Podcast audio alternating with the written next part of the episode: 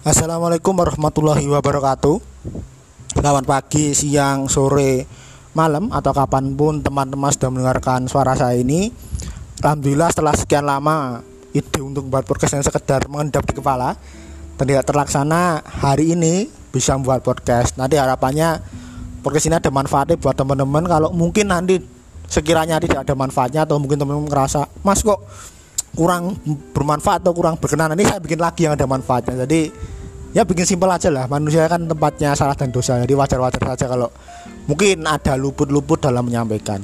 Kita teman-teman sekedar memperkenalkan saja podcast ini namanya podcast mata kunci yang nanti akan berfokus pada obrolan-obrolan yang bertemakan tentang toleransi, keberagaman. Intinya nanti kita akan berusaha menyampaikan, mengkampanyekan Islam itu agama yang damai, agama agama yang toleran, agama yang mendukung keberagaman. Jadi nanti kita akan berusaha menghadirkan anak-anak muda yang punya ketertarikan yang sama dengan saya, punya interest tentang toleransi, punya kekhawatiran yang sama dan ya nanti kita akan ngobrol-ngobrol aja lah, ngobrol-ngobrol santai tentang toleransi. Harapannya nanti bisa membuka pikiran teman-teman lah supaya lebih terbuka dan lebih toleran dalam menghadapi dunia yang memang sangat beragam seperti ini.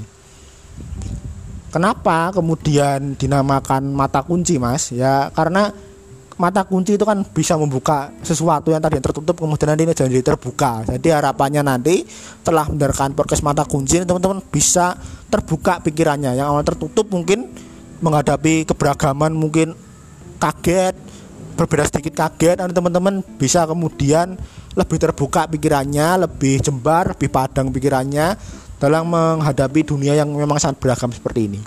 Oke, mungkin untuk teman-teman sedikit pengenalan dari saya.